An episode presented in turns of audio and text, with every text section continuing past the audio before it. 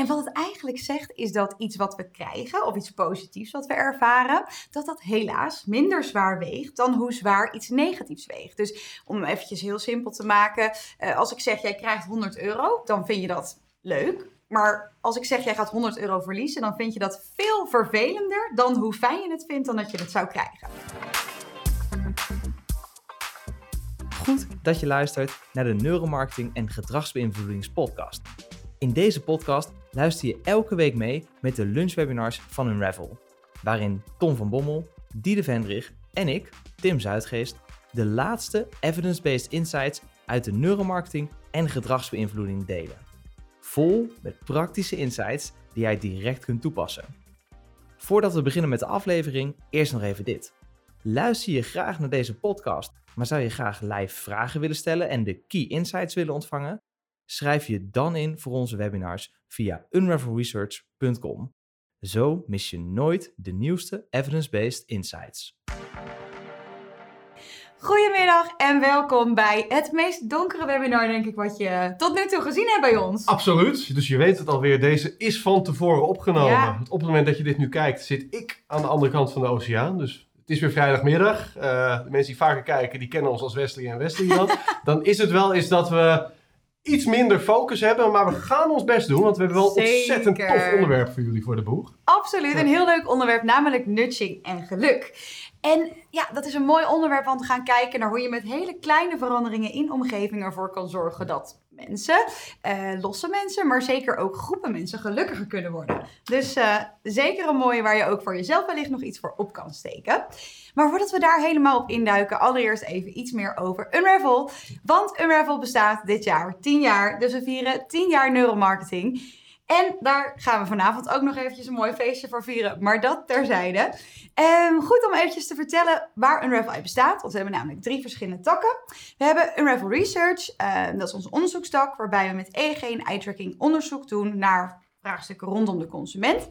Daarnaast hebben we de Unravel Academy. Dat is ons onderzoek zeg ik onderzoek, onderwijsinstituut mag ik het noemen, uh, waarbij we veel trainingen geven over neuromarketing onderwerpen, maar zeker ook onderwerpen binnen gedragsbeïnvloeding zoals vandaag.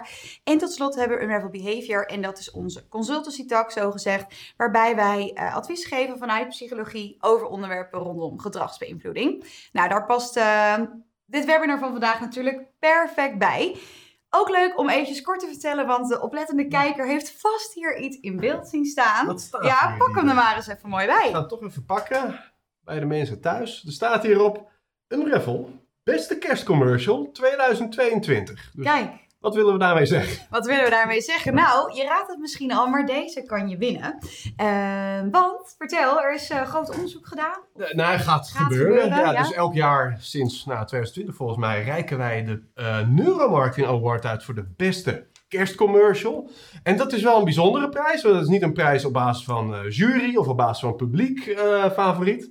Nee, het is op basis van het brein. Dus we meten daarbij alle kerstcommercials, eindejaarscommercials van uh, dit jaar. Dat gaan we doen in de tweede week van december. En dan komt vervolgens op 21 december de grote awardshow, die we ook weer uh, natuurlijk hier vanuit de studio en op locatie bij de winnaars uh, ja. thuis of op kantoor, nagelang waar ze zich bevinden.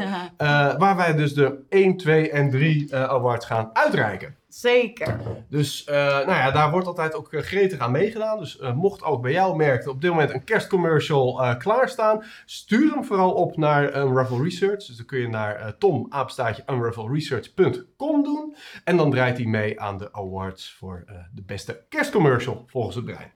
Zeker. Goed, gaan we terug naar het onderwerp van vandaag, nudging voor geluk. En hier zie je op de sheet een mooi uh, boek staan, Nudge, een heel bekend boek, een heel uh, belangrijk boek ook binnen de hele nudging-wereld zo gezegd. En daar staan drie onderwerpen op, namelijk uh, gezondheid, welzijn en geluk. En eigenlijk horen we vaak heel veel over die eerste twee onderwerpen, maar eigenlijk iets minder over die laatste, geluk. Dus daarom denk ik des te leuker om daar vandaag dit webinar aan te wijden. -hmm. En daarmee wil ik beginnen met een, uh, een heel mooi onderzoek en een leuk tipje die je wellicht ook zelf gelijk toe kan passen thuis. En daarvoor zou ik je willen vragen om, nou ja, mocht je een stukje gelukkiger willen worden dan je nu bent, en ik denk wie niet, um, om de, je telefoon eens erbij te pakken. En ja, jij gaat het even doen. Jij gaat ik, even meedoen mee. Wat, wat, moet ik doen? Nou, ik zou graag willen dat jij een lachende selfie van jezelf maakt. Zou je dat uh, voor mij willen doen? Even de selfie-modus. Doen we jou erbij? Yes. Nou, perfect. En als je dit nu thuis ook de komende twee weken doet, zoals gebleken uit dit onderzoek, kan je ervoor zorgen dat je ja, 22% gelukkiger wordt. Want dat is iets wat ze vonden in dit onderzoek. Dus simpelweg het maken van een vrolijke foto van jezelf. En dat twee weken lang zorgde ervoor dat de mensen die dit deden, ten opzichte van de mensen die het niet hadden gedaan, 22% gelukkiger eh, rapporteerden. Dat is niet niks. Nee, nou, dan zie je toch wel dat kleine dingen ook voor geluk een groot verschil kunnen maken. Precies, en daar gaan we nog veel meer van zien. Twee visies op geluk. Hm. Vertel Tom. Dat is wel een leuke, want het hele webinar gaat natuurlijk over hoe je geluk kunt vergroten. Mhm. Eh, en dat dan een beetje op een psychologische manier natuurlijk. En daarbinnen helemaal een soort van basisvraag die je kunt stellen is van... Hoe kun je nou geluk vergroten? En daar zijn eigenlijk een soort van twee gedachten over, twee aanpakken die je kan doen. En ik kan dat best illustreren met een kind dat met blokjes speelt, zoals je hier op mhm. deze sheet ook mooi ziet. Als een kind met blokjes speelt, zal vroeg of laat gebeuren dat het kind die blokjes zat wordt. Alle uh, uh, dingen zijn, er, zijn ermee gedaan en het kind wil ander speelgoed. En dan is de vraag, hoe kun je die interesse in blokjes vergroten? En dat is een beetje de metafoor voor geluk. En dan kun je twee kanten op. Je kan of meer blokken, meer van hetzelfde, in de hoop dat je dan weer op de een of andere manier je passie ervoor terugvindt. Hè? Zoals iemand die op een gegeven moment mhm. het geluk in het leven niet meer zit, dan maar dat met meer geld verdienen uh, wil uh, invullen. Of andere dingen doen met hetzelfde. Dus met diezelfde blokjes andere dingen bouwen, op een andere manier neerzetten, op een hele andere manier bekijken. Dus op een andere manier eigenlijk uh, met wat je al hebt, weer je geluk daarin uh, heractiveren als het ware. En met name die tweede aanpak, dat is waar de psychologie van geluk en de nudging voor geluk hem in zit. Dat je eigenlijk zonder dat je nou heel erg aan de knoppen waar je toch niet aan kan draaien, wil, je kan niet in één klap iedereen twee keer zo rijk maken. En als je het al doet, heeft het toch geen effect. Want geluk is voor een groot gedeelte comparatief, dus we vergelijken ons met anderen. Uh, maar door simpelweg ons denken te veranderen naar hetgeen we al hebben. Daar gaan we prachtige voorbeelden van zien vandaag. Zeker. En daarvoor hebben we weer een aantal mooie onderwerpen. Klopt, ja. Nou ja we gaan allereerst even naar de kijken van geluk in ons brein. Wat is dat nou? Hoe mhm. kun je dat meten? Worden we met z'n allen gelukkiger of ongelukkiger? Met name dat laatste hoor je natuurlijk vaak in het nieuws. Dat we eigenlijk alleen maar een soort van bergafwaarts van, uh, van, uh, van de berg van geluk zeg maar, aan het rollen zijn. Nou, dan gaan we eens kijken naar de, naar de wetenschap daar, daarachter. Uh, daarna gaan we kijken naar wat meer praktische toepassingen hoe je anderen gelukkiger kan maken vanuit de organisatie, vanuit de overheid in, uh, uh, en ook in, in, in persoonlijke interactie. En natuurlijk niet op de laatste plaats bij jezelf. Nou, dan gaan we eerst kijken hoe je dat met keuzearchitectuur kunt veranderen. Dat is precies wat ik net zei over die blokken. Hoe je eigenlijk de context van allerlei omgevingen kunt veranderen om mensen daar gelukkiger te laten zijn. Daarna zoomen we in op een heel specifiek vraagstuk, namelijk geluk en hoe dat samenhangt met consumptie. Want je hoort altijd, Geld maakt niet gelukkig. Nou, we gaan mhm. kijken of dat zo is. Mhm. Dingen kopen maakt niet gelukkig. We gaan kijken of dat zo is. Maar het blijkt dus ook daarin weer dat die factor van context alles bepalend is. En daar zijn veel mooie onderzoeken naar gedaan. En tenslotte, wat meer vanuit eigenlijk overheidsperspectief. Hoe kun je maatschappelijk en ook wel binnen organisaties nudges integreren, interventies ontwikkelen die mensen evidence-based gelukkiger maakt? En daar zijn de laatste jaren net heel veel onderzoeken naar gedaan. En daar hebben we een aantal mooie cases van. Tof. Dus uh, laten we erin duiken. Allereerst gewoon de kern van geluk. En we behandelden het al enige weken geleden in ons webinar over gezondheid. Want daarin we het over het fenomeen van keystone habits, hoeksteengewoontes. En dat zijn simpele gewoontes, als je die uitvoert, roepen die andere gewoontes op. Dus iemand die gaat sporten, wordt ook automatisch misschien wel wat gelukkiger, wordt wat gezonder, gaat minder alcohol drinken, wordt meer gemotiveerd op het werk. Dus eigenlijk één gewoonte die allerlei andere goede gewoontes activeert. Nou, levensgeluk is ook zo'n keystone habit. Zo blijkt het onderzoek. Namelijk wanneer mensen gelukkiger zijn, heeft het in tal van facetten van het leven een positieve invloed. Dus bijvoorbeeld gelukkige mensen sporten meer, ze eten gezonder, ze ervaren minder stress, krijgen ook meer betaald, uh, gebruiken minder tabak, alcohol en drugs en hebben zelfs minder fysieke kwaaltjes. Dus op allerlei fronten van het leven hebben gelukkige mensen een streepje voor. Mhm. Maar al die andere positieve gevolgen die je natuurlijk op die sheet ziet, maken mensen ook weer gelukkiger. En dat is natuurlijk een soort van hele positieve loop, als je erin zit. Mhm. Maar wanneer je dat niet hebt, is het heel moeilijk om eruit te komen. Nou, daar heeft de psychologie en nudging natuurlijk ook wel weer wat aan toe te voegen. Ehm, en wat je natuurlijk vaak hoort is, worden wij gelukkiger? Of worden we steeds ongelukkiger? En als je er objectief naar kijkt, van nou, we zouden wel beter gelukkiger moeten zijn. Als je gewoon heel objectief kijkt naar de levensstandaard, die als je alleen maar vijf jaar geleden terugkijkt, er behoorlijk hard op vooruit is gegaan. We hebben meer te besteden dan ooit, meer vakantiedagen dan ooit, meer vrije tijd dan ooit, meer gezondheid dan ooit. Uh, op veel fronten althans. En toch hoor je heel uh, vaak dat eigenlijk ons geluk tanende en tanende is. Nou, is dat waar? Valt gelukkig ook wel weer mee. Er bestaan namelijk zoiets als de optimism gap. En dat is eigenlijk de cognitieve uh, bias die in heel veel hoofden schuilt. Die zegt dat met mij gaat het goed, maar met iedereen om me heen zie ik steeds ongelukkiger worden. En wanneer ik mensen uitvraag, hoor je heel erg vaak dit sentiment terugkomen. Dus je denkt dat. dat fijne bias. Dat is een goede bias voor jezelf. maar niet zozeer voor je uh, visie op, op de wereld in, in die zin. Want het lijkt dus alsof mensen ongelukkiger zijn, omdat we maar een heel klein gedeelte zien van wat ze doen. En we klagen graag en leiden daar vaak uit af hoe mensen zich uh, voelen. Maar het valt in de regel wel mee. Het is echter wel zo dat we niet. Dus we worden eigenlijk steeds gelukkiger als je naar de data kijkt. Er wordt allerlei onderzoek gedaan naar het gelukniveau wereldwijd, in verschillende landen ook. En we worden wel jaar voor jaar steeds een klein tikkeltje gelukkiger. Maar het gaat lang niet zo hard mee met alle andere levensvooruitgang die we hebben. Op economisch gebied, op medisch gebied, op technologisch gebied. Dus ergens worden we wel afgeremd in ons hoofd. Nou, hoe dat komt, dat gaan we zo dadelijk behandelen. Maar we zien even een aantal volgende wetmatigheden als we kijken hoe is dat geluk nou wereldwijd verdeeld. En we zien dat rijke mensen, als je vraagt, maakt geld gelukkig? Is het antwoord ja. Rijke mensen binnen een land zijn gelukkiger dan binnen datzelfde land de armere mensen. En rijkere landen zijn over de hele linie gelukkiger dan armere landen. En ook nog eens, als een land rijker wordt, wordt het ook gelukkiger. Dus er zit ook zeker wel een causaliteit in. Ja. Dus het hebben van geld en gewoon een uh, nou ja, florisante economie maakt wel degelijk gelukkiger. Tegelijkertijd, het is niet dat die correlatie met geld één op één is. Dus als een land twee keer zo rijk wordt, wordt het zeker niet twee keer zo gelukkig. Nou, waarom is dat nou zo?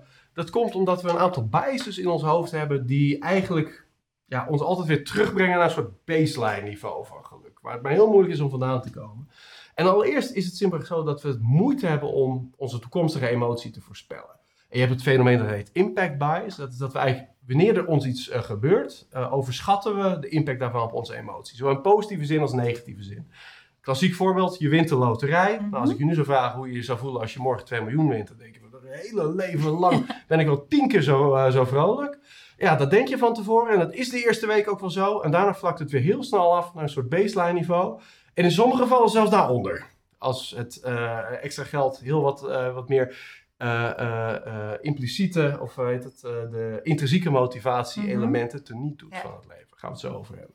Maar dat is dus vaak, herstellen we heel snel naar een baseline niveau. Ook met negatieve dingen. Dus dat is altijd het klassieke voorbeeld van, stel je wordt invalide, hoe erg zou je dat vinden? Mm -hmm. Ook daarbij als je het van tevoren vraagt, mensen, het is vreselijk, daar kom je niet ja. bovenop. Maar als het gebeurt, herstellen we weer heel snel naar een baseline niveau. Dus ergens is dat gunstig, hè, dat het in ons brein zo werkt. Althans, hè, we zijn heel flexibel, maar heel veel dingen die ons gelukkiger zouden moeten maken, die worden vaak niet gedaan door al deze biases. Nou, de tweede is de projection bias. En dat is dat eigenlijk de huidige staat waar we ons verkeren uh, het moeilijker maakt om in te schatten hoe we ons zullen gaan voelen. En dat zie je bijvoorbeeld als je gaat shoppen terwijl je honger hebt. Mm -hmm. Dan heeft uh, die honger van dat moment heel erg veel invloed op wat je gaat kopen. En meer dan je zou willen. Dus we hebben vaak ook moeite bij. Als je nu ongelukkig voelt, dan denk je dat het altijd zo is. Voel je ja. nu gelukkig, denk je dat dat altijd zo is. Terwijl daar zit veel meer speling in, maar we kunnen die mindset van nu eigenlijk niet uitschakelen. En ja, we kiezen vaak in het leven niet voor de dingen die ons het meest gelukkig maken. Dat is nou net waar Nudging natuurlijk in, uh, mm -hmm. in, in, kan zitten om daar iets aan te doen. Maar wanneer ik jou bijvoorbeeld het dilemma voorleg van uh, stel jij mag iedere dag een chocolaatje mm -hmm. en dan geef ik jou tien opties en dat mag je vanaf nu, mag jij nu bepalen welke chocolaatje je de komende zeven dagen wil. Yeah. Dan zou je daar waarschijnlijk heel veel variatie in aanbrengen. Dus mm -hmm. je wil morgen een Mars en daarna Twix en dan een Milky Way. Terwijl als ik jou iedere dag een schotel voorleg met, nou, je mag nu een chocolaatje pakken waar je het meest zin in hebt. Wat denk je dat je pakt? Elke dag bijna hetzelfde. Dus wat ons op het moment het meest gelukkig maakt, is vaak niet wat we van tevoren ook hier weer zouden voorspellen. En we zoeken vaak meer variatie op, terwijl consistentie in de regel ons juist veel gelukkiger maakt op het moment zelf. En dit is wel, hè, ik geef nu een heel onschuldig voorbeeld van een experiment met chocolaatjes, is wel wat we heel erg vaak doen hoor. De carrières die we nastreven, de partners die we omarmen, de uh, uh, uitgaven die we doen, ja. die zijn zelden ten faveur van het geluk. En daar kan Nudging natuurlijk aan doen om zonder dwang eigenlijk mm -hmm. ons net wat vaker de opties te laten kiezen die ons gelukkiger maken. Ja. Nou, En dan tenslotte, hoe kun je geluk nou meten? En er zijn eigenlijk twee manieren hoe je dat kunt doen. Het eerste is heel lomp en direct gewoon vragen. Hoe gelukkig ben je? Nou, en dat is uh, een soort experience sampling, waarbij je dus mensen een survey voorlegt en kwantitatief geluk uitvraagt. En dat is eigenlijk al een hele mooie, consistente maat en in die zin betrouwbaar, hoewel die natuurlijk niet helemaal volledigheid uh, heeft. Zoals we vaak in neuromarketing onderzoek ook zeggen, uh, wat sociale wenselijkheid en biases in zich zal hebben. Um, wat vaak nog beter is, is uh, mensen op het moment zelf uit te vragen hoe gelukkig je je nu voelt, dat vaker te doen en het gemiddelde daarvan te nemen als het levensgeluk van mensen. Het heeft wat meer om het lijf. Vroeger had je daarbij echt speciale apparaatjes, die werden onder duizenden mensen in een land uitgedeeld en die moesten dan drie keer per dag op een random moment hun levensgeluk uh, aangeven eigenlijk. Nou, nu kan het met je telefoon heel makkelijk met apps en dat is ook eigenlijk een beetje de meest standaard methode geworden om geluk te meten. Uh, maar je kunt het ook indirect doen, bijvoorbeeld door hersenactiviteit te meten en zo daar de baseline van positieve emotie. En bijvoorbeeld ook uh, aflezen aan gedrag. En heb je allerlei interessante maten voor, zoals de glimlachindex. Dus ga op een random plein in een land staan en kijk gewoon hoe vaak mensen glimlachen, turf dat. En dat is een soort van geluksindex. Het leuke is, al deze vormen van meten correleren heel sterk met elkaar, zo blijkt het onderzoek. Dus dan is het vaak wel goed om de meest simpele methode te pakken, oftewel in dit geval gewoon uitvragen. Ja. Nou, Diede, dan uh, ja, dat is even het moeilijke van geluk meten en, mm -hmm. uh, en, en, wat het feitelijk is. Maar we gaan het natuurlijk vooral heel erg praktisch hebben over hoe we het met psychologie kunnen vergroten. Zeker. En het allereerste van is keuzearchitectuur. Dus daar ja. waar wij keuzes maken. En dat is natuurlijk perfect waar nudging over gaat. Iets veranderen aan de keuzecontext om er zo voor te zorgen dat mensen in een bepaalde richting van een keuze worden gestuurd. Maar allereerst eventjes iets meer over ja, plezier en pijn. En daar is een interessant gegeven aan, en wellicht heb je het wel eens gehoord, maar dat is een bekende uitspraak die we kennen van een psycholoog. Kahneman, die zegt, losses loom larger than gains. En wat het eigenlijk zegt, is dat iets wat we krijgen, of iets positiefs wat we ervaren, dat dat helaas minder zwaar weegt dan hoe zwaar iets negatiefs weegt. Dus om eventjes heel simpel te maken, als ik zeg, jij krijgt 100 euro, dan vind je dat leuk. Maar als ik zeg jij gaat 100 euro verliezen, dan vind je dat veel vervelender dan hoe fijn je het vindt dan dat je het zou krijgen. En dit geldt ook voor um, ja, happiness en momenten die jouw geluk opleveren of juist geluk kosten eigenlijk. En wat we daarin zien is dat het heel goed kan werken om juist gelukkige dingen of dingen die jouw geluk opleveren op te splitsen. Want dat zorgt ervoor dat we dat geluk eigenlijk dubbel kunnen ervaren. Dus mooi voorbeeld daarbij is een film die we met een pauze kijken. Doordat je een soort van iets waar we positief of iets waar we gelukkig van worden opknipt in twee stukjes, kan je ervoor zorgen dat je het nog net even meer geluk van ervaart. En dat is natuurlijk de positieve kant. Maar tegelijkertijd, de negatieve kant werkt dus juist beter of ervaar je er minder negatieve emotie door als het negatieve wat je moet ervaren in één klap komt, zo gezegd. Want dan heb je iets minder dat je het dus opsplitst en dus dubbel zo negatief ervaart. Dus wellicht kan je dit voor jezelf uh, daarin meenemen. En iets anders interessants daarbij is uh, luxe inleveren. Dus iets wat we al gehad hebben en wat we als fijn ervaarden. Ja, dat is helemaal iets wat we als zeer negatief ervaren. En toevallig mocht je daar uh, laatst ook iets moois over vertellen. Dat ging volgens mij over de luxe van... thuisbezorging. Thuisbezorging, ja. ja. Wilde inderdaad RTL weten waarom we alles laten thuisbezorgen. Nou, dat is makkelijk. Dat ja, ja. Het is lekker makkelijk, daarom ja. doen we dat. Goed onderzoek. Um, maar het blijkt... ja, zeker. Het, het, blijkt namelijk heel veel arbeidsgelegenheid uh, op te slokken. Dus mm zeg maar, voor die hele sector is heel veel werk, uh, workforce nodig. Okay. Dus was economisch, ja, daar moet je mee stoppen. En toen zei kan dat psycholoog zo? Kun je een soort van luxe die we al ervaren hebben, uh, kun je dat nog wegnemen? Ja. Dat is vaak heel lastig. Want zodra je het hebt, wordt dat je baseline. Hou je dan weg. Doet veel meer pijn dan dat het winnen daarvan ooit, ja, ooit leuk was. Precies, nou, perfecte uitleg van deze curve. Ja, als ik jou zou vragen, wil jij 100 euro vandaag of 100 euro over drie dagen? Ik wil het nu. Je wilt, ja. je wilt nu. Snap ik, zou best lekker zijn. Als ik jou zou vragen, hoeveel heb je over voor uit eten bij je favoriete restaurant? Vanavond of over drie dagen? Mm. Zou daar verschil tussen zitten, denk Vanavond hebben we het grote Unravelfeest, dus dat moet over drie dagen. Ja, oké, okay, okay. goed punt. Vanavond zou je überhaupt niet kunnen. Maar goed, als we het aan andere mensen zouden vragen die misschien niet naar het Unravelfeest zouden komen vanavond, um, dan zouden die ook zeggen over drie dagen. Of in ieder geval, die zouden dat als uh, positiever ervaren. En waar komt dat nou door? Nou, um, je ergens eigenlijk ja, iets voor kunnen stellen dat het gaat gebeuren. Dus te anticiperen daarop. Ook dat zorgt voor een beetje extra geluk. Want het totale geluk wordt namelijk niet alleen opgebouwd aan, uh, uit het geluk wat je op dat moment ervaart van iets leuks wat je bijvoorbeeld gaat doen. Maar zeker ook uit het nieuws. Dus überhaupt het horen dat het gaat gebeuren. Nou, dat is al natuurlijk iets heel positiefs. Dus als ik jou zou vertellen, Je mag over drie dagen uit eten in New York. Zit je dan in New York? Uh, dan ben ik niet. net. Net, ja, of net niet. Ik zit in het vliegtuig dan. Oh, nou ja, kijk, breng dat nieuws vast. Nou ja, in het vliegtuig krijg je ook vast heel lekker eten. Ehm. Dan zorgt dat al een stukje voor het geluk, maar zeker ook de anticipatie. Anticipatie, dus er naartoe leven en daar zin in krijgen. Samen met de ervaring natuurlijk, dat zorgt uiteindelijk voor het volledige geluk. Ehm, en dat vergroot echt die emotie die je ervaart bij zoiets, of dat je gaat ervaren bij een ervaring in de toekomst. Dus daarin is dat geldt het ook zowel in de positieve als negatieve zin. Dus ook wanneer jij eh, bijvoorbeeld als er iets negatiefs staat te gebeuren, dus bijvoorbeeld eh, je, hebt, eh, je moet naar de tandarts en dat vind je hartstikke eng. Nou, wanneer je dat ver van tevoren weet, dus je moet er echt naartoe leven, ja, dan is ook die negatieve ervaring die je daardoor hebt ook extra zwaar. Dus wat dat betreft, misschien zou je iemand dan kunnen vragen om je te verrassen om naar de tandarts te gaan. Ik weet niet of dat nou zo goed werkt. Ik zie hier een soort van app, een start-up app. Een start-up die soort app. van de, de, de, de pijn van de anticipatie van negatieve Ja, ervaring op die manier soort van kan verdoezelen. Ja, hele leuke ideeën ontstaan hier live tijdens het webinar. Ehm, goed, stel ik zou je dit laten zien. Gefeliciteerd, je hebt een reis naar Parijs gewonnen. Nou, Leuk. Of ik zou je dit laten zien. Gefeliciteerd, je hebt een reis naar Hawaii gewonnen. zo. Ook niet Ja. verkeerd. Of ik zou je dit laten zien. Gefeliciteerd, je hebt een reis gewonnen. Je mag kiezen tussen Parijs of Hawaii. Oeh. Welke van die drie ehm, ja, zou jij het Nou- fijnst vinden, denk je? Oh, nou ja, de- dan, de- tussen, tussen deze twee zou ik zeggen Hawaii. Het Oké. Kijk, het is eh, voor ons als Nee, maar van de Europeanen... drie manieren om het te stellen. Hè? Dus Ah. of Parijs, of Hawaii, of Parijs, of Hawaii. Gewoon Hawaii. Gewoon eh, Hawaii. Ja. Oké. En kan je verklaren waarom niet deze? De keuze? Nou mensen ja. houden toch van keuzevrijheid? Is dat niet iets... Je hebt eh, toch. Kijk, zodra ik Parijs zie, ook al ben ik er wel een paar keer geweest. Heb je hebt toch gewoon niet zoveel met Parijs. Ja, niet heel veel. Maar stel, ik doe even alsof dat wel zo was. Precies, fijn, dankjewel dat je even meewerkt aan Hè, voor de sake van het experiment, om de boodschap over te brengen. Dan is het wel pijnlijk dat je eigenlijk op het moment dat je die keuze hebt, heb je eigenlijk beide opties ervaar je al een klein beetje. Je gaat een beetje simuleren hoe het zal zijn om aan de scène te zitten, lekker weer je wijntje te genieten. En dan moet je dat afleggen tegen eh, uit je kokosnoot drinken in Hawaii.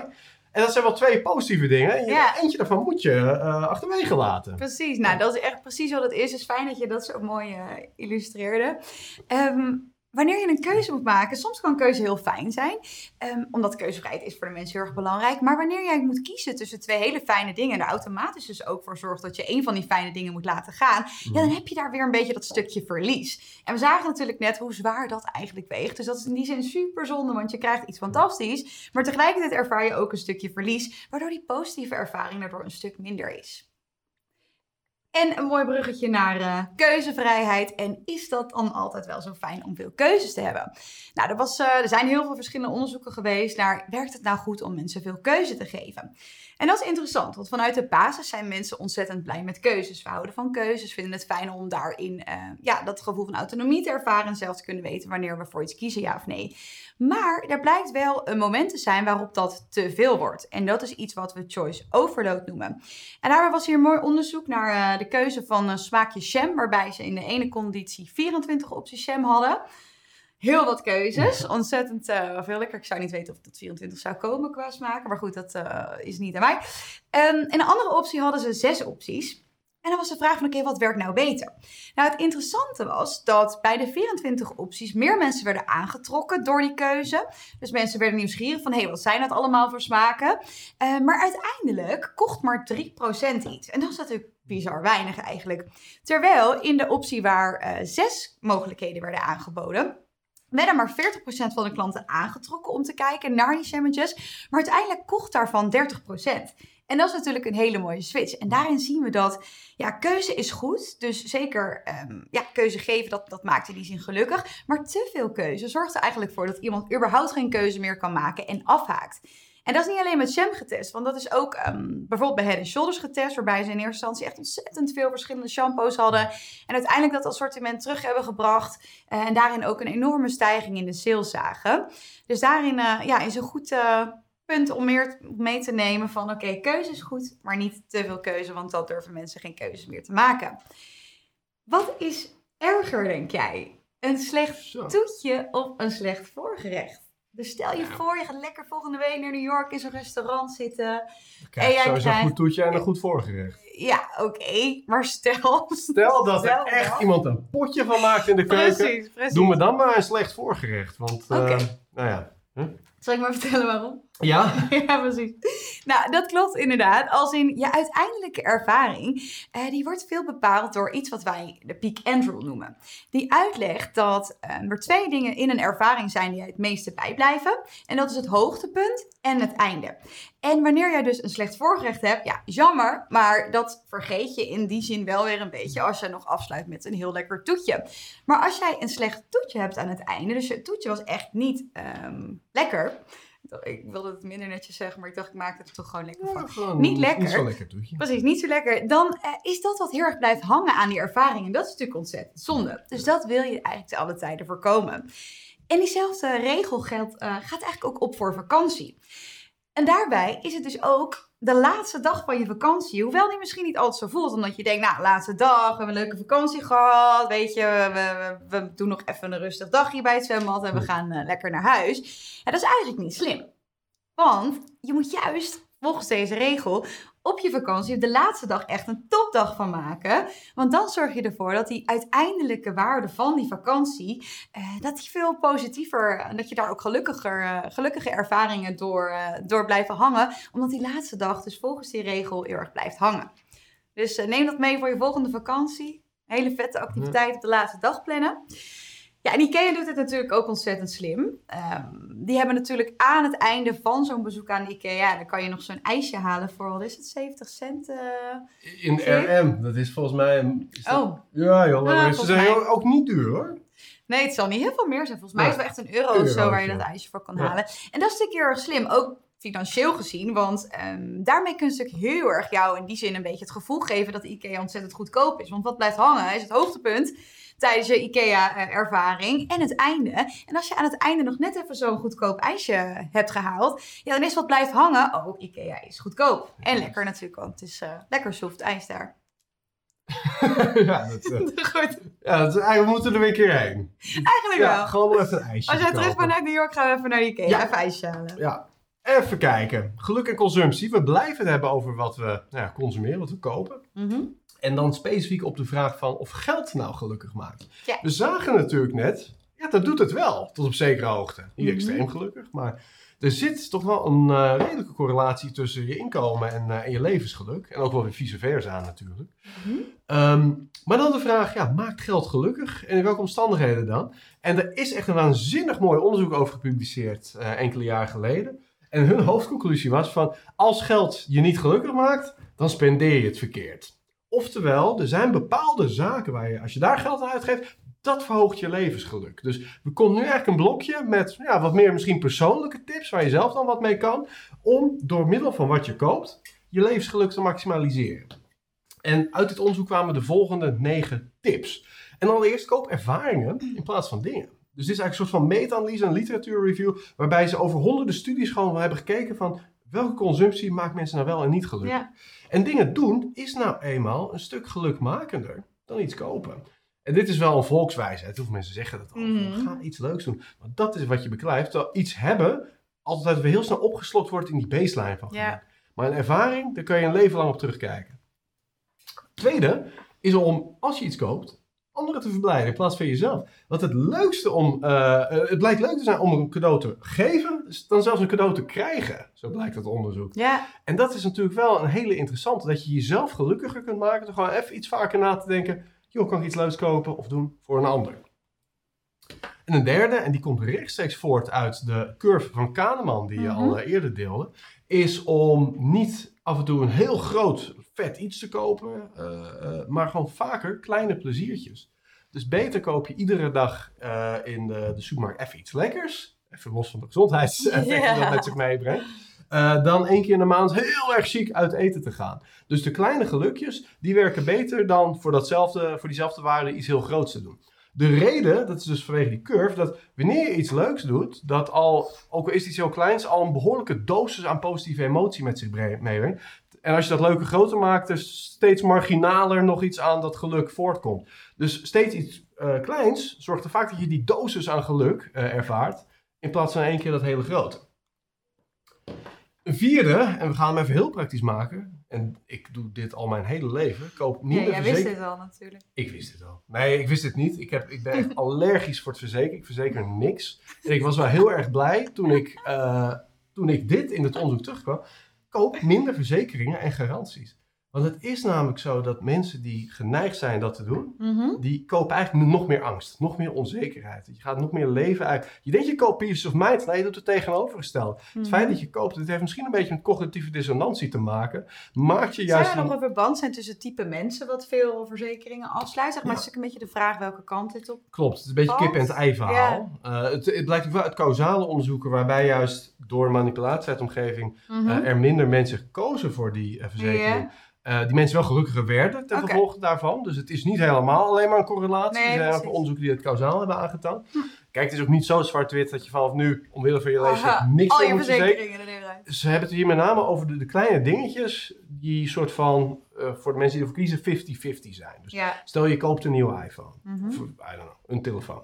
Eh, en daar wordt altijd een verzekering bij aangeboden. Als je vliegticket koopt, heb je ook altijd, ja, wil je niet verzekeren dat je dan je ticket niet kan. Dat zijn van die dingen, 50% doet het niet, 50% doet het wel. ja, Die 50% die het niet doet, is heel wat gelukkiger. Hm. Nou, daar wil je bij horen. zeker. Tweede, stel consumptie uit. Doe je dat wel eens? Dat je iets koopt en dan pas veel later een keertje consumeert. Dat weet jij toch? Eh? Wanneer? Je bent dat heel verbaasd. Ja, zullen, als we naar de Jamin gaan. Ja, ja, zo. Ja, jij kan wel heel erg eh, eh, lang iets positiefs... Ja, dus die, die koopt dan een zak snoep en daar doet ze dan volgens twee weken mee. Dat ze gewoon de helft van de zak kan weggooien. Ja, dat deed- ik vroeger ook bij de avondvierdaagse. En dan kreeg je toch allemaal snoep en zo. Mhm. En mijn zus en ik, zeg maar, eh, ik bewaarde dan alles in toaster tot het echt verrot was. En mijn zus was dan altijd heel jaloers, want die had altijd alles meteen op. Ja, dat vind ik wel leuk. Ja, dat, Ja. eh, daar, daar verschillen mensen eh, in. Eh, maar jou, jouw keuze die zorgt wel voor meer eh, geluk in die zin. Kijk. Enerzijds dat je natuurlijk dan wat meer het eh, eh, kan verspreiden eventueel. Mhm. Maar zelfs wanneer het alsnog een single consumption is, dus dat je het eenmalig maar kunt consumeren. Zoals bijvoorbeeld een fles wijn. Ik bedoel, die maak je open, dan pas, dan drink je hem op. Eh, zelfs daar blijkt die uitgestelde consumptie effectiever zijn om jou gelukkiger te maken. En de reden daarvoor is dat eh, het eigenlijk het betaalmoment losgekoppeld van het consumptiemoment, Hm. waardoor het voor jou gevoel moment dat je het eh, consumeert effectief eigenlijk als een gratis cadeautje aan het Ah, consumeren bent.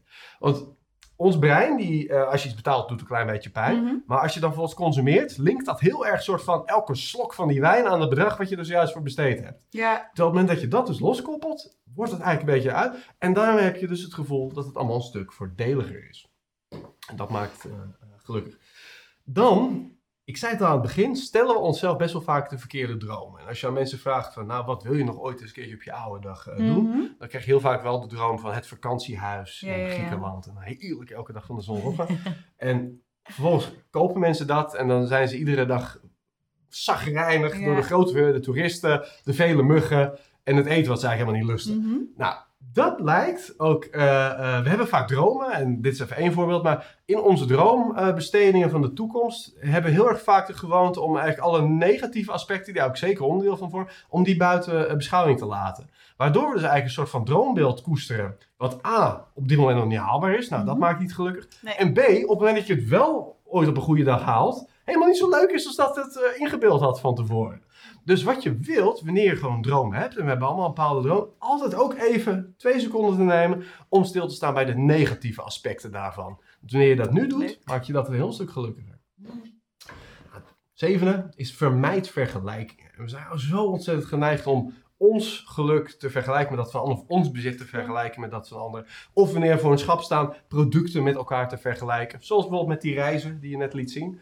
Eh, hè, dus wanneer je eh, naar Frankrijk of ehm, Hawaii tegen elkaar mocht uitzoeken, werden mensen er eigenlijk minder gelukkig van Ja. dan wanneer je gewoon single één reis aangeboden krijgt. En dat komt zodra je gaat vergelijken, word je altijd bewust van hetgeen je niet krijgt. Ja. En, dat En dit sluit natuurlijk heel mooi aan, vind ik, bij social media, waarin iedereen altijd Zo. probeert te doen alsof zijn leven fantastisch is. Ja, Eh, dat helpt natuurlijk niet echt mee als je daarmee eh, hele goeie. gaat vergelijken. Ja, dus dat is de sociale kant van vergelijking. Ja. Dat, eh, dat maakt ook bepaald niet goed. Dus hier had ook kunnen staan, ga van social media. maar ook, Goud tipje van ons. dit is even een, een tegendraad zo, of althans denk ik contra-intuïtief. En dat is, volg de kudde en niet je verstand. En ja, we hebben het heel vaak in onze webinars over het social proof principe. Mhm. Dat is gewoon een krachtige beïnvloedingstechniek. Waarbij je simpelweg in een, in een reclame of op een website uh, duidelijk maakt wat de grote groep doet. Dus uh, dit is het hotel waar iedereen op vakantie gaat naar Griekenland uh, wil boeken. Nou, dat vergroot alleen al de kans dat andere mensen dat ook doen. Ja. Um, en je denkt, ja, is irrationeel, wordt ook van marketing natuurlijk vaak gebruik van gemaakt.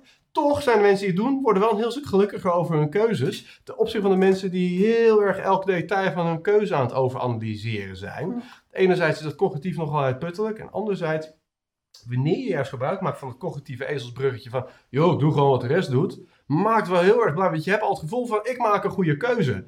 En vervolgens ga je vanuit die bril die hele ervaring beleven. Dus dan moet het wel een verdomd slechte keuze zijn, wil je daar nog van afwijken. Dus dat maakt letterlijk gelukkiger. Dus gewoon te kijken, wat doen al die andere mensen? Zo makkelijk kan het zijn. Klopt, ja. En dit zijn gewoon een aantal uh, tips die kun je op jezelf toepassen. Maar je kunt natuurlijk ook toepassen om, wanneer je een organisatie uh, leiding geeft, natuurlijk de structuur zoals die is ingeregeld daarbij ook. Uh, dus met het kerstpakket net wat vaker ervaring te geven dan enkel maar alleen ja. losse dingen. Dus hier kun je heel erg veel mee met deze acht geboden van geluk en consumptie. en dan gaan we naar het laatste onderdeel. Dat is nudging. Nudging, ja, zeker. En ja, om daar, voordat we daarmee mee verder gaan, allereerst, wat drijft nou eigenlijk geluk? Want er zijn, is er onderzoek gedaan naar, nou, waar, uh, waar komt geluk nou vandaan? En er zijn eigenlijk drie bouwstenen van intrinsieke motivatie. Nou, de eerste is connectedness, dus echt het verbonden voelen met andere mensen. Uh, dan hebben we autonomie, dus dat komt weer terug naar die keuzevrijheid, wat ook ontzettend belangrijk is voor ons mensen.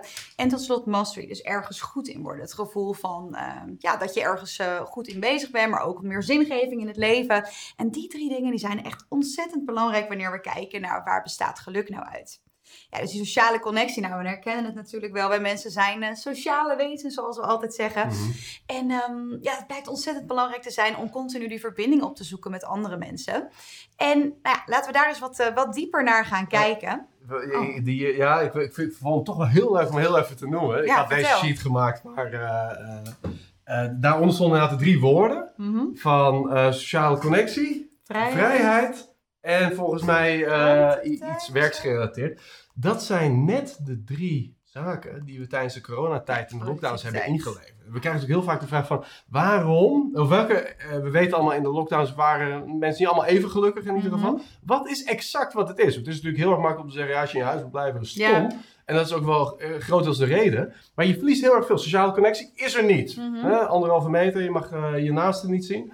Vrijheid heb je niet. Je moet je huis in. En productiviteit valt ook vies tegen. Omdat Ja. bij heel veel beroepen er even niet zo heel veel werk te doen was. En dat is wel even drie fucking bouwstenen van je intrinsieke motivatie. Die gewoon weg zijn. Precies, Ja. ja. Goeie toevoeging. Ja, dus eh, om nog wat dieper op die, eh, op die eh, bouwstenen in te gaan. Allereerst de sociale connectie. En daarin blijkt dat eenzaamheid echt de grootste driver is van ontevredenheid. En er was een heel leuk onderzoek wat ik heb gelezen in een van die nudging boeken. En daar stond in dat mensen die dagelijks met de trein reisden naar werk, daar werd aan gevraagd van om nou eens een beetje gedwongen, want mensen rapporteerden van tevoren van ja, je hebt echt helemaal geen zin in. Maar er werd toch gezegd van tegen de helft van die groep van ga nou eens iedere dag toch een gesprekje met een vreemde aan.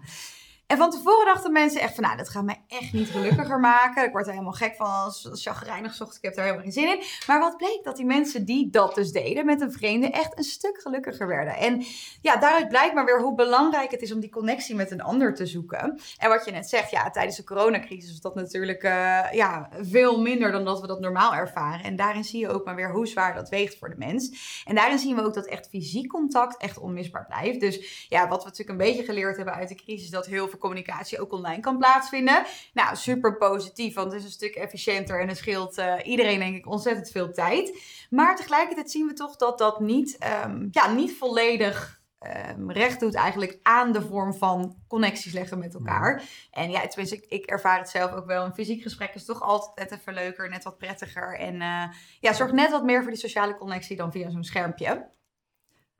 Dan autonomie en vrijheid. Nou, we hebben het al een paar keer benoemd, dit webinar natuurlijk. Maar keuzevrijheid is iets wat voor de mens ontzettend belangrijk is. En dat zien we ook heel vaak terug in onze onderzoeken. Zowel ehm, meer in de maatschappelijke hoek, maar zeker ook in een meer commerciële hoek. Dat simpelweg het benadrukken van dat iemand die keuzevrijheid heeft. Dat dat ervoor zorgt dat mensen uiteindelijk ook eerder bepaalde keuzes maken. Eh, en daarin blijkt een sterke correlatie bestaan tussen de democratische index en tevredenheid. Waarin ze dus simpelweg zien hoe meer democratie er is in een land, eh, hoe meer tevreden mensen daar ook zijn. En daarbij geldt ook dat ehm, liever ellende in vrijheid dan een gedwongen goede uitkomst. Dus met andere woorden, mensen ervaren liever een beetje ellende als ze in ieder geval daar zelf nog maar iets in te kiezen hebben. Daar had jij een mooi voorbeeld mee met de, met de alcohol, uh, wat je net noemde. Ja, nou ja, de, je, kunt, je hoort best wel vaak wanneer de overheid probeert om uh, bepaald gedrag te beïnvloeden, bijvoorbeeld mm alcoholgebruik te verminderen. Van ja, je moet gewoon verbieden. Ja. Dat is altijd het sentiment wat even lekker met de harde hand uh, erop. En dat zal ongetwijfeld tot wat minder alcoholconsumptie leiden op korte termijn, totdat ook dat weer een weg vindt. Echter krijg je dan heel erg het reactance effect. Dus heel veel negatieve emotie. Omdat mensen dus liever, gezondheidstechnisch in dit geval, uh, niet het perfecte doen in hun vrijheid. In plaats van dat ze gedwongen worden de juiste keuze te maken. Ja, ja, en dat is wel leuk, want dat is een mooie uh, ja, bruggetje eigenlijk naar heel veel projecten die wij zelf ook doen op dit gebied. Van, um, nou, hoe kun je nou voor zorgen dat mensen minder plastic bekertjes gebruiken? Of um, hoe kun je er nou voor zorgen dat mensen gezonder gaan eten? En daarin zien we ook dat soms klanten zeggen van, ja, weet je, we, we kiezen er gewoon voor om het te verbieden. We halen het gewoon weg en mensen moeten het maar gewoon doen. Dat kan. Kijk, het is de snelste route naar gedragsverandering. Want als je simpelweg geen bekertje meer kan pakken, ja, dan gaan mensen dat ook niet doen, want het is niet mogelijk. Maar de vraag is natuurlijk uiteindelijk ook van, oké, hoe kun je er nou nou voor zorgen, zonder mensen te dwingen, dat je met de route met de minste weerstand ook echt langdurige gedragsverandering plaats laat vinden. En ook niet alleen simpelweg die gedraging laat veranderen. Dus oké, het is duurzamer wellicht om die beekjes weg te halen. Wat je eigenlijk wil, is dat mensen vrijwillig die keuze maken en ook echt meer positievere mindset ontwikkelen naar meer duurzamere keuzes in dit geval. Of bij uh, ja, gezondere keuzes maken. Ik, uh, een mooi voorbeeld van waar ze de. Uh, de kroketten zomaar hadden weggehaald uit de kantine. Ja, dat werd niet uh, als positief ervaren. Want iemand wil gewoon lekker dat broodje kroket kunnen eten als hij dat wil. Je kan wel met nudging ervoor zorgen dat het wat lastiger wordt om een kroket te krijgen. Dus bijvoorbeeld ze niet meer standaard aanbieden, maar mensen een actieve handeling uit moeten laten voeren. Waarmee ze wellicht ook iets langer moeten wachten op de kroketten. Nou, zo kun je natuurlijk alle kanten op gaan. Maar in ieder geval is het belangrijkste punt hiervan is dat autonomie ontzettend belangrijk is wanneer je langdurige gedragsverandering voor elkaar wilt krijgen en zeker ook dat geluk daarbij wilt bewaken. Nou, en tot slot de laatste productiviteit. Um, daar blijkt ook weer een sterke correlatie bestaan tussen werkgelegenheid en tevredenheid. Het is een van onze basisbehoeften van de mensen die echt al vanuit, uh, vanaf de geboorte in ons brein geprogrammeerd zitten, is dat je je goed over jezelf wilt voelen. En dat je je um, nuttig wilt voelen. En dat je daarin zingeving wilt ervaren. Ja, en dat zien we dus ook terug dat ontzettend belangrijk is bij het ervaren van geluk.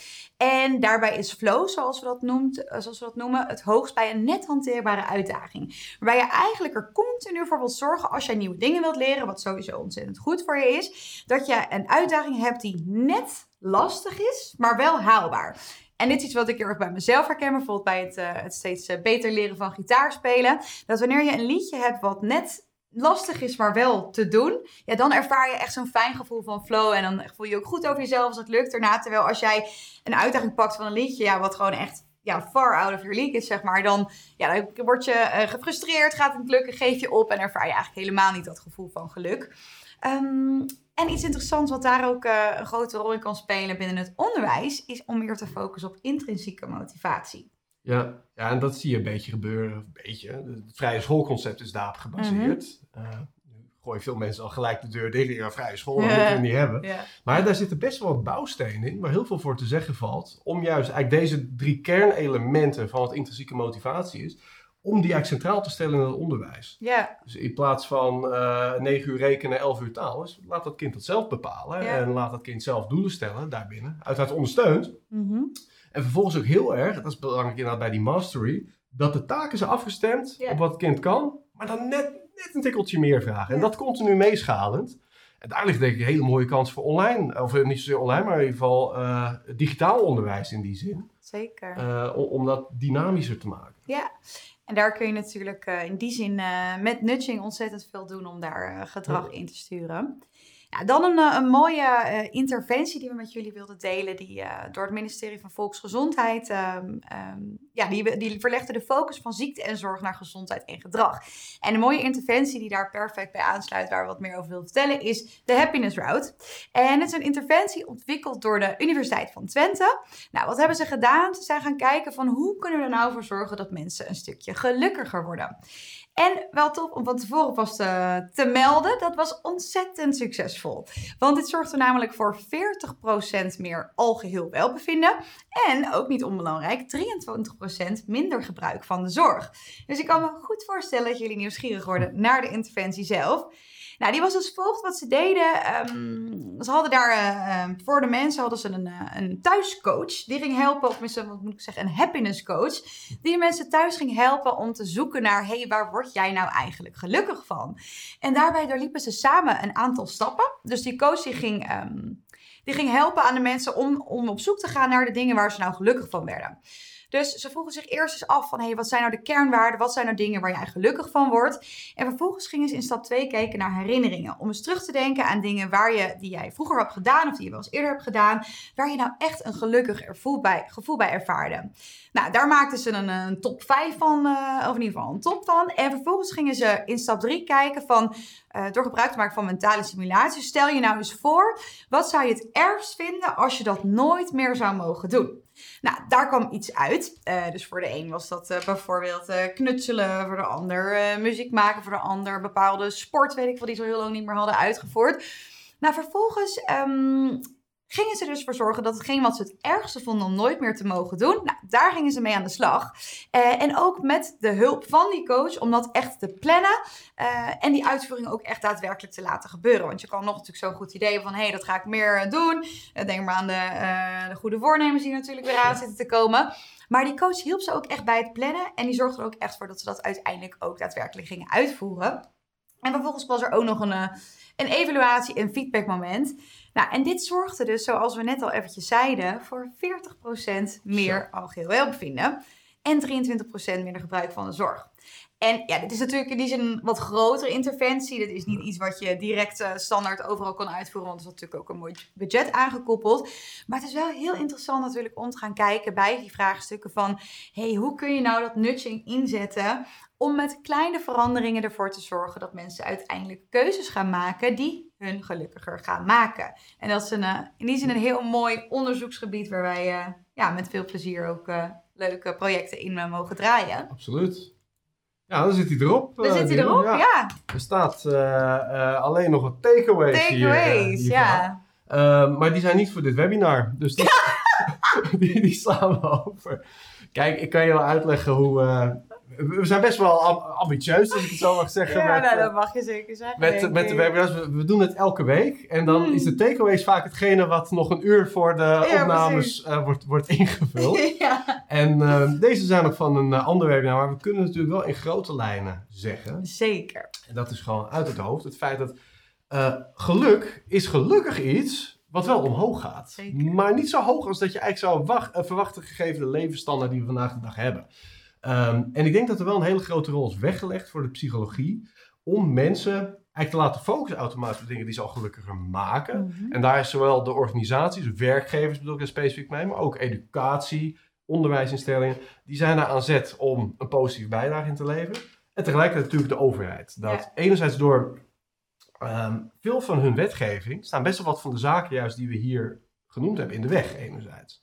He, dus wanneer je nogmaals alcoholgebruik wilt beteugelen door te verbieden, is waarschijnlijk uiteindelijk contraproductief vanuit het perspectief van levensgeluk. En juist daar, net uitgerekend daar, kan nudging voor die gezondheidseffecten weer een bijdrage leveren om zonder te tornen aan de factoren die ons gelukkig maken, toch dat gewenste gedrag te activeren door dingen te veranderen in de keuzecontext, aandacht een klein beetje te verleggen en op die manier uh, eigenlijk naar de situatie te geraken waar we willen komen. Ja, ja, dat, uh, dat was hem. Mooi. Dus uh, volgende week dan hebben we weer een, uh, een, webinar. Hoe zitten we trouwens in de tijd? Ik heb geen idee. Oh, we zitten heel mooi in de tijd. Kijk, was natuurlijk, omdat het niet live was, hebben we niet met de chat kunnen interacteren. Maar hopelijk zijn alle vragen die gesteld zijn wel beantwoord in de chat zelf. vanuit de mensen die hier nu in zitten.